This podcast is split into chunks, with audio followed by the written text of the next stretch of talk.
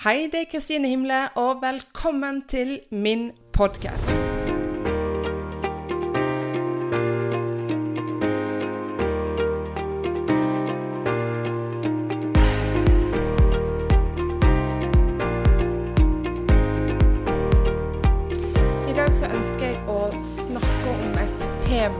Som både er vondt for meg å snakke om, men òg som har endra absolutt alt.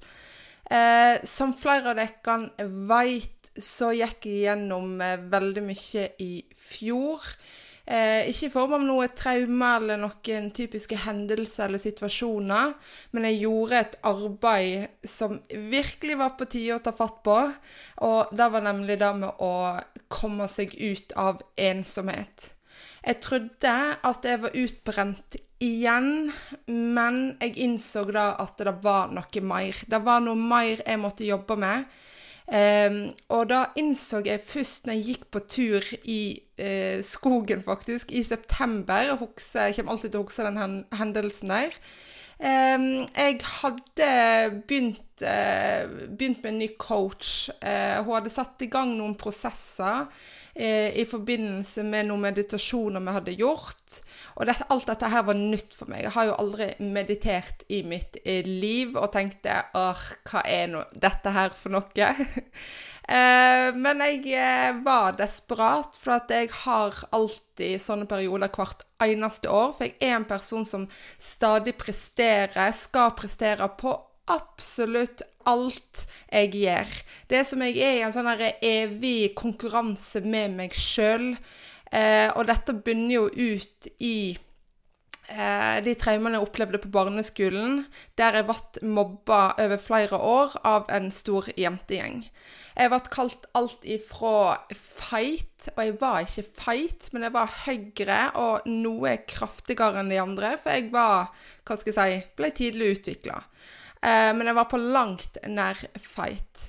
Eh, jeg, som 20-åring så ble jeg storesøster til en til, til en til min bror.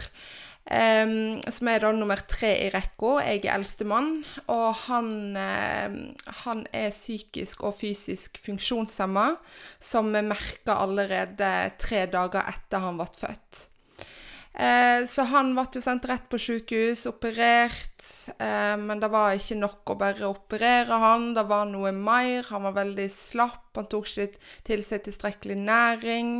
Kanskje så litt annerledes ut og var ikke som et vanlig barn. Så det resulterte i at han var mer eller mindre At han bodde mer eller mindre på Haukeland sykehus i Bergen de to første leveårene hans.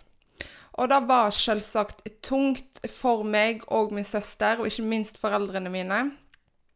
Eh, men å komme opp i den situasjonen der som en 20-åring Um, det, er, det er forvirrende. Uh, du veit jo selvsagt ikke hva som skjer med han. Går dette her bra? Hvis det går bra, hva skjer videre? Uh, det er en helt ny situasjon, og alt blir virkelig snudd opp ned på hodet.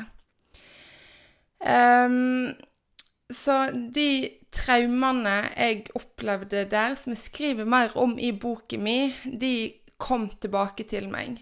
Eh, som sagt så har jeg eh, tendenser til å virkelig pushe meg sjøl i det meste jeg gjør, og jeg blir utbrent. Men den gåturen i september i fjor var veldig spesiell. Eh, jeg gikk eh, Jeg var veldig sliten i forbindelse med at jeg hadde starta med den coachen der og hadde satt i gang noen prosesser som ikke var kjent for meg. Hun hadde virkelig satt i gang noen prosesser i kroppen min i form av de to meditasjonene vi hadde hatt forut. Jeg var kjempesliten og har alltid hatt et problem med et sånt press i brystet eh, som jeg har lært meg er min form for angst. Um, men det hadde forsterka seg. Jeg hadde skikkelig vanskelig med å puste etter de meditasjonene. Uh, og jeg skjønte verken Jeg skjønte ingenting. Ikke opp ned på meg sjøl. Um, og jeg syns det var bare forvirrende, tungt og til dels skremmende. Um, så jeg gikk den turen der i skogen helt alene. Uh, for en gangs skyld så trente jeg ikke, men jeg lytta til kroppen og bare gikk en tur istedenfor. Noe jeg heller ikke skulle ha gjort. Men anyways, that's me. Um, så gikk jeg og hørte på en podkast-episode av den kjente foredragsholderen og motivasjons... Eh, eller motivasjon Podkastverten Mel Robin, som kanskje noen av dere kan eh, kjenne til. Eh, de, den episoden omhandler da med angst, og jeg har jo hørt flere episoder om det temaet før, men denne episoden var vidt forskjell, forskjellig i forhold til det jeg hadde hørt før. Hun hadde en lege som gjester podkasten, um, og når jeg gikk der, så hørte jeg de snakka om at det presset i brystet, eh, som gjelder for meg, men andre kan jo ha en angstsymptom andre plasser i kroppen i form av muskelspenninger, eh, som viser seg å bare ved Ikke bare, men ved angstsymptomer eh, som virkelig setter seg i kroppen. En går kanskje flere ganger til kiropraktor eller fysioterapeut osv., men det sitter i hodet. Eh, rett og slett. Og det var en øyeåpner for, for meg, i hvert fall. Eh, men så sa han legen som gjesta den podkasten, at for noen, spesielt for de som har eh, et press i brystet, så kan det være at det er den eh, yngre versjonen av deg som gir beskjed at nå er det på tide å ta tak. Det er som en alarm. Den yngre versjonen prøver virkelig å få din oppmerksomhet. Um, de tok virkelig ikke mange sekunder etter det før kroppen min reagerte. Jeg kjente på prikninger ut i fingerspissene, eh, på leppene. Eh, og armene låste seg, fingrene låste seg, og jeg ble svimmel. Jeg fikk tåkesyn. Eh, og der gikk jeg da aleine midt oppå fjellet, inn i eh, tjukkeste skogen. Um, jeg skjønte ikke helt hva som skjedde med en gang, men når jeg begynte å legge merke til pusten min, at det snørte seg igjen, og jeg ikke fikk puste rett og slett på, på vanlig måte, så skjønte jeg at nå får jeg enda et angstanfall, og det har jeg hatt før. Uh, jeg ble jo selvsagt veldig redd fordi, nettopp fordi at jeg var alene uh, på tur. Uh, og det var langt time, og det var langt til noe som helst, egentlig. Eh, den turen her var på flere høydemeter, og eh, ja, det var ikke noe sivilisasjon eh, i, i, nær, i, nærhet av der jeg var. Så kroppen reagerte virkelig, og etter mer jeg hørte på den episoden, til mer ble det trigga. For det var som om alt bare ga mening for meg. Der gikk jeg, trodde jeg var utbrent igjen. Men der gikk det opp et lys for meg hvorfor jeg stadig ble utbrent. Ja, det selvsagt har det med at jeg presser kroppen, eh, både på trening og på jobb, og er mye alene hjemme med jentene osv. osv. Jeg har mange ting. Men det var noe mer enn bare det stresset jeg utsatte kroppen for. Eh, og med en gang så fikk jeg nett som en sånn der Jeg er veldig visuell av meg, da, i den forstand at jeg ser veldig tydelig eh, film eller bilde i hodet. Går og dagdrømmer hele tida. Eh, og har alltid gjort det. Og akkurat der og da så så jeg meg sjøl eh, som liten på barneskolen. Eh, og der gikk det opp for meg at jeg ikke hadde kontakt med lille Kristine. Jeg skjønner at dette her kan høres rart ut, veldig visuelt eller spirituelt, jeg veit ikke. Uh, men det er ikke noe spirituelt med dette her. Um, så jeg så meg sjøl eh, i en film som jeg har sett en gang før òg. Eh, I en drøm jeg har hatt. For jeg drømmer veldig mye, og jeg husker absolutt alt av alle drømmer. Så der står jeg da, ser meg sjøl stå som liten, som åtte-niåring, eh, i en ring. Eh, de som går rundt meg, det, det er som en ring av mange, mange mennesker som bare går i full fart rundt meg. Jeg ser ansiktene deres, jeg ser at de ler, de leker, de koser seg, de snakker sammen. Men jeg står der helt i ro, midt i ringen, og ser ned i bakken. Det er ingen som ser på meg, det er ingen som legger merke til meg, det er ingen som går bort til meg. Jeg står der helt aleine. Og der og da så la alle pusle Altså alle kortene ble bare vist fram. Jeg skjønte da at eh, jeg fremdeles følte meg ensom. Nettopp fordi alt jeg hadde gått igjennom som eh, Ja, ifra 20-åringen jeg fikk broren min, og alt jeg opplevde på barneskolen. Eh, jeg følte meg rett og slett ensom. Um, men når du har et angstanfall, så er det ikke så mye du klarer å tenke. For, det, for det som opplevde et angstanfall, så er det som om noen andre tar over kroppen din. Du har ikke kontroll på noen ting. Det er nesten verre enn å føde et barn, og det har jeg gjort to ganger, så jeg veit hva jeg snakker om. Um, jeg klarte å ringe mannen min, for han var heldigvis hjemme og ikke på jobb. Uh, for han jobber jo på sjøen. Uh, men jeg fikk ikke ut et eneste ord. Men han har vært med, uh, vært med på at jeg har hatt angstanfall før. Det var på et fly, det kan jeg fortelle om seinere. Men han hørte pusten. Han hørte at jeg liksom heiv etter pusten og ikke klarte å puste skikkelig. Så han gjorde jo alt han kunne, og spurte hvor jeg var hen, om han skulle komme og hente meg, og liksom var full beredskap, eh, forsvarsmannen som han er. Eh, men jeg, ja, jeg fikk ikke ut et eneste ord. Og han prøvde å finne meg på telefonen og alt, og liksom var klar til å komme opp, da. Eh, og jeg ble bare mer og mer redd. Uh, for det er skikkelig ubehagelig å bare ha angstanfallet, men i tillegg til å stå der alene midt oppå fjellet i en skog, og du veit at det er veldig langt i alle ender til nærmeste person, uh, det er en skikkelig skremmende eh, situasjon å stå i. han skjønte at det var bare å ve på telefonen, at det da er en trygghet nok i, for meg. Eh, så han klarte roe meg ned, fikk kontroll på pusten, fikk kontroll på hele kroppen. Prikningene slutta etter hvert.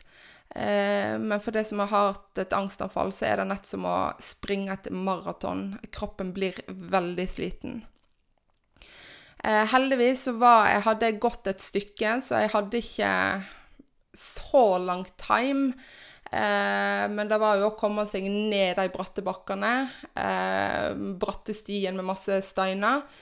Eh, uten å Hva skal jeg si dette, for at hele kroppen var totalt ødelagt. Det var nett som jeg hadde Noen hadde kjørt over meg med en bil. Ikke at jeg vet hvordan det er, men i hvert fall, jeg var helt mør i beina og hadde litt problemer med å gå. Så jeg hadde han på telefon hele veien hjem, og det gikk bedre og bedre etter hvert som jeg gikk. Så jeg kom meg hjem, og alt gikk fint. Eh, med den opplevelsen der. Eh, ikke angstanfallet som sådan, men den at det, det, det, gikk opp for meg at jeg stadig ble utbrent. At jeg stadig liksom ikke følte meg lykkelig lykkelig, selv om jeg hadde mannen jeg alltid ønska, og selv om jeg hadde jentene jeg alltid hadde ønska, som var friske og raske og nydelige og alt som er, og karrieren og alt, så var det noe som mangla. Og der gikk det opp for meg at jeg ikke hadde bearbeida de traumene jeg hadde gått igjennom som eh, lite barn. Eh, for om det ikke var nok med den mobbingen, sant? når du blir kalt feit som en åtte-niåring, eh, hva gjør du da? Eh, det jeg gjorde, var å gjøre det eneste jeg trodde jeg kunne for å få kontroll på eh, situasjonen. For jeg kunne ikke kontrollere hva som skjedde med broren min. Jeg kunne ikke kontrollere eh, Trodde jeg at jeg ble mobba. Eh, så jeg fikk spiseforstyrrelser i en alder av åtte-ni år. Jeg jogga én til to ganger om dagen når foreldrene mine var på jobb. Eh, og spiste svært, svært lite. Det var min måte å ta kontroll på, for det var den eneste måten jeg følte jeg kunne ta kontroll på. Um, årene gikk. Um, jeg skal innrømme at jeg husker svært, svært lite av de årene på barneskolen, annet enn de episodene eh, når jeg ble mobba. Eh, og at jeg gjemte meg i friminuttene fordi at eh, jeg orka ikke å bli mobba hvert eneste friminutt. Um, og det var ikke bare ting de sa, men det var òg ting de gjorde. Jeg ble f.eks. Um, bundet fast til en stolpe med en eh, hoppestrikk, husker jeg. Uh, der er jeg veldig glad for at jeg var litt større enn de andre, fordi at uh, jeg er sterk. Og jeg klarte faktisk å slite meg løs ifra den hoppestrikken der jeg sto bundet fast. Eh, bare på rein, pur vilje og irritasjon og sinne. Eh, men når du er vokser opp med en bror eh, som har de utfordringene han har, og har to foreldre som driver bedrift i lag, som tar virkelig all tiden deres, eller som tok all tiden deres, Uh, og du er eldstemann i flokken, så var det Jeg ble reservemamma ganske tidlig. Uh, jeg tror jeg begynte å være aleine hjemme med han i en alder av 10-11 år. Eh, jeg hadde søster til, som, eller jeg har en søster til som er nummer to i flokken, men det er noe med å være eldst. Du tar I hvert fall for meg, jeg tok mer ansvar eh, ganske tidlig. Så jeg ble på en måte reservemamma veldig tidlig. Eh, og i en alder av 10-11-12 år så det, det, er tidlig å bli voksen, altså men jeg føler meg nesten tvunget til å bli tidlig voksen.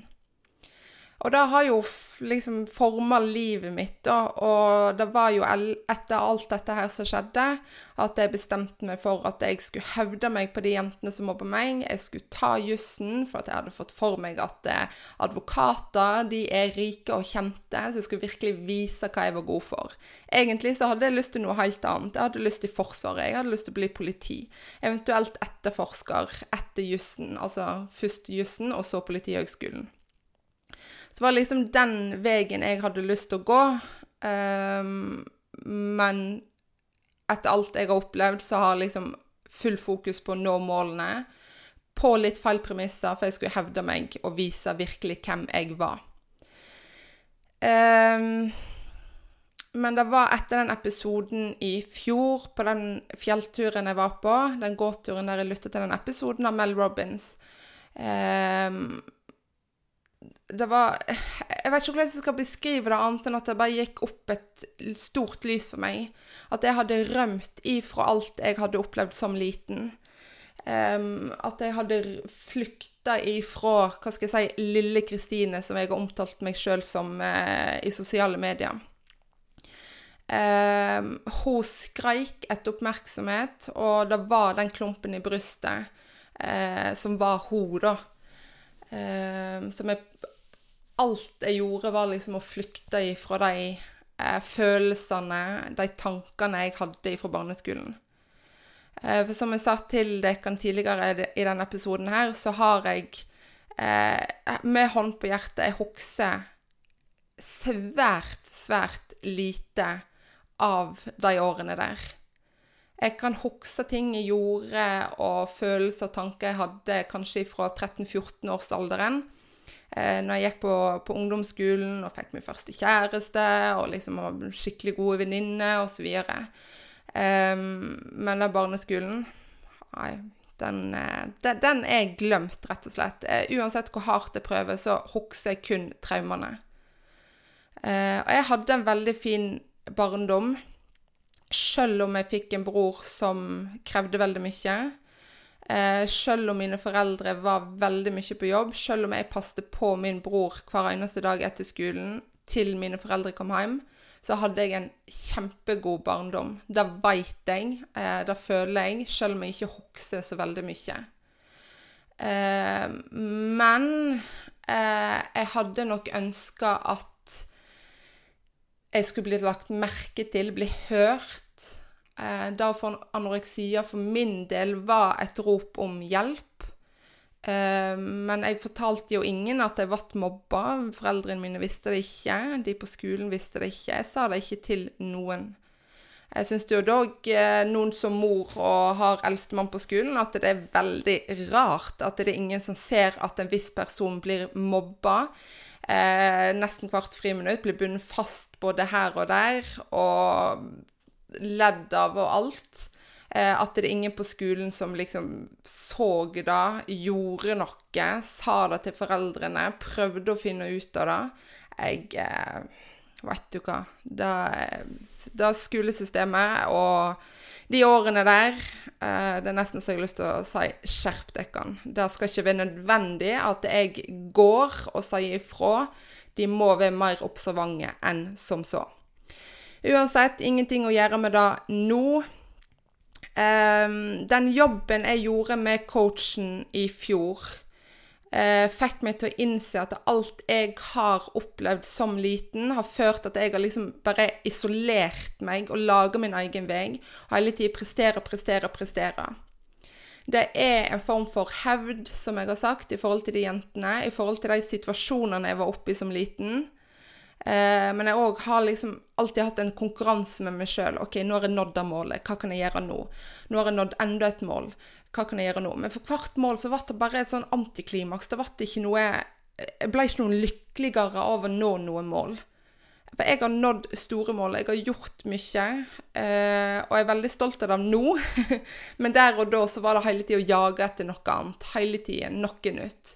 Og var det noe som var utenfor min kontroll, så reagerte jeg med å få spiseforstyrrelser igjen. Trente veldig mye, spiste veldig lite.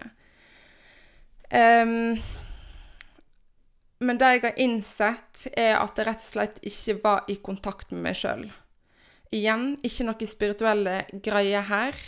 Men jeg hadde glemt lille Kristine igjen på barneskolen. Eh, igjen det bildet jeg ser av meg sjøl som står der, midt i ringen, ser ned, ønsker så gjerne at noen bare ser meg, hører meg, tar hånden min, legger en hånd på skuldra, bare gjør noe, kan noen se meg?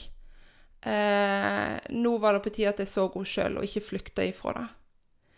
Så nå veit jeg hvorfor jeg i alle år har følt meg ensom, streber etter å nå nye mål, hele tida prestere, prestere, prestere. Det er for å flykte ifra alt jeg har opplevd. Uh, alt dette her skriver jeg om i boken. Dette er kortversjonen, selv om jeg er 23 minutter inn i episoden. Um, men jeg veit òg at det er flere som har det likt som meg. Verdens helseorganisasjon eh, sier at én av fire globalt føler seg ensomme. Og da har vi selvsagt ulike typer for ensomhet. sant? Eh, du har jo noen som lever alene, er alene, bor alene. Eh, noen som nettopp blitt dumpa av noen. Eh, andre som eh, f.eks. mor mi, som er, som er enka, mista mannen sin. Eh, men du har òg en ensomhet som jeg virkelig ønsker å hjelpe andre med, for at jeg har opplevd det sjøl.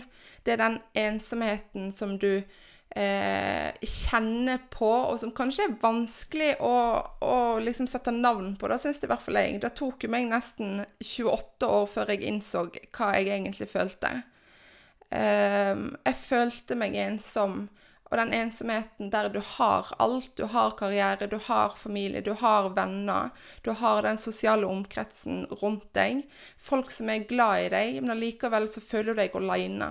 Du føler deg eh, Du blir aldri liksom skikkelig lykkelig. Um, og det er rett og slett Svaret er du må få kontakt med deg sjøl. Du må bearbeide eventuelt da traumene du har opplevd, eller kommentarene du har fått. Det trenger ikke være noen situasjon heller som du bærer det, eller knytter det opp mot. Men det er da å først liker seg sjøl, se hva du sjøl står for, være glad i deg sjøl, elske deg sjøl, ikke veit jeg. Um, og det er da, når du får den kontakten med deg sjøl, det er da du kan uh, se at andre òg er glad i deg. For jeg veit at min mann og mine jenter og mine venner er kjempeglad i meg. Men jeg klarer ikke å ta imot den eh, kjærligheten fordi at jeg ikke har hva skal jeg si, likt meg sjøl, ikke vært glad nok i meg sjøl, ikke satt pris nok på meg sjøl. Um, jeg, Dette her treffer deg på en eller annen måte. Det er jo vanskelig for meg å vite eventuelt hvorfor du føler som du gjør. Men det er den der eh, ensomheten, den derre Du er ikke lykkelig, du føler ikke den tilhørigheten. Kanskje du føler som meg, at jeg har eh, spilt et skuespill i alle sosiale settinger, i alle jobber jeg har hatt. Overalt så har jeg spilt et skuespill for å passe inn. Jeg har sagt og gjort det jeg tror trengs eh, for at jeg skal passe inn. Men du, du blir liksom ikke lykkeligere. Det er mangel på kontakt med seg sjøl. Eh, for noen så er dette her en stor jobb. For andre så er det en mindre jobb. Jeg er veldig mottakelig for hjelp, endelig, etter så mange år. Fordi at jeg har fått den riktige hjelpen. Jeg har innsett, det, jeg innsett hva jeg må jobbe med, og hva jeg trenger for å komme meg ut av dette her. Den jobben her trengte jeg tre, fire, fem eh, samtaler med min coach. Eh, og etter alt jeg har lært av henne om meg sjøl gjennom den prosessen her, så har jeg utvikla egne metoder. Jeg har utvikla egne teknikker, verktøy. Jeg er så lidenskapelig opptatt av dette emnet her, for at jeg veit hvordan det føles, jeg veit hvordan du har det, og du fortjener søren meg ikke å ha det sånn. Du er kanskje altfor opptatt av hva andre måtte ha å si om deg. Du våger ikke å gå utenfor komfortsonen, du våger ikke å gjøre noe, for du tenker at du er utilstrekkelig. Eh, ikke god nok, ikke fin nok. Jeg veit ikke hva du tenker, men tankene kan være så masse. Det med ensomhet kan være så omfattende. Du er mest sannsynlig ikke klar over det sjøl at du føler deg ensom. Jeg var ikke. Selv om jeg gikk nesten ti år singel fordi jeg jobba så mye og trente flere ganger for dagen. All fokuset mitt var på karriere og på trening. Det fins så mange typer for, uh, for, ensomhet. Men jeg er sikker i min tale uh, at får du den kontakten med deg sjøl, så vil en heil, helt ny verden åpne seg for deg. Jeg veit at dette her ikke bare gjelder meg, og det er dette her jeg ønsker å hjelpe deg med. Jeg har flere klienter nå, så jeg har fått etter jeg har vært åpen eh, om min egen ensomhet, som skriver til meg nesten daglig, og som jeg har som klienter. Eh, og det er en stor ære å få hjelpe.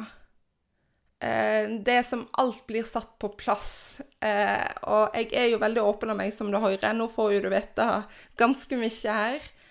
Eh, og dette her vil jeg hjelpe deg med. Jeg har en unik evne til å lese folk. Ting som ikke blir sagt, men som jeg ser på kroppsspråket. Det er alltid det var en av mine største styrker som eiendomsmegler òg, og som selger. Um, så du er trygg hos meg. Jeg veit hva du har opplevd, og hva du føler nå. Um, og dette her kommer jeg til å snakke veldig mye om i podkasten.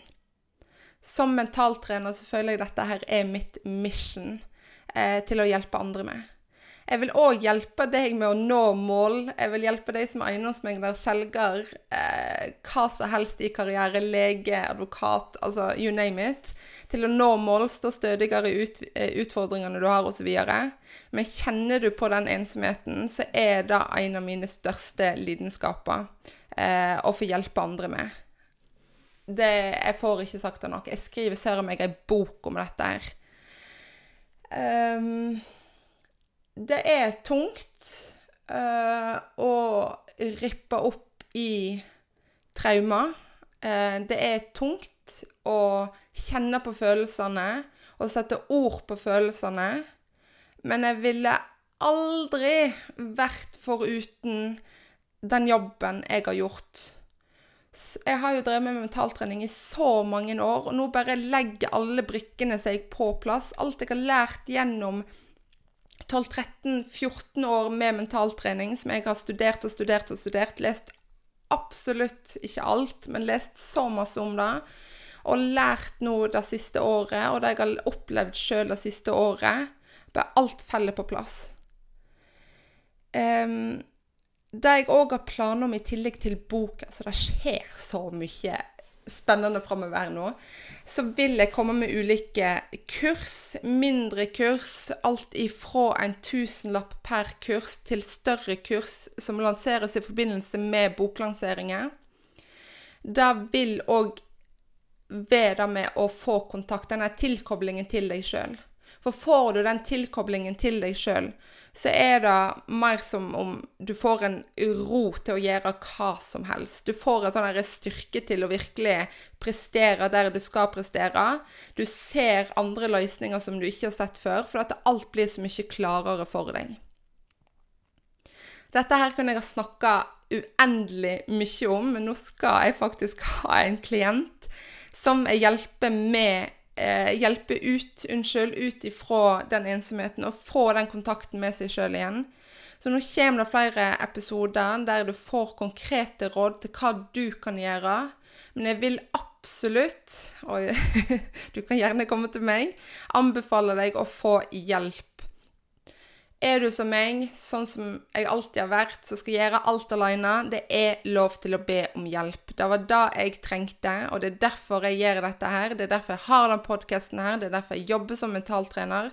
Det er derfor jeg driver for meg sjøl, for jeg har lyst til å hjelpe andre.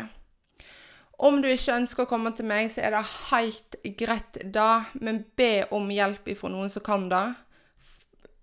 Og ta til deg den hjelpen du får. For du har helt sikkert flere rundt deg som ønsker å hjelpe, som ønsker å lytte. Da kan vi nok å bare snakke om det. Um, finn den personen som ønsker å ønsker ditt beste og ønsker å lytte til deg. Kanskje det hele er bare at du trenger å hva skal jeg si, få det ut.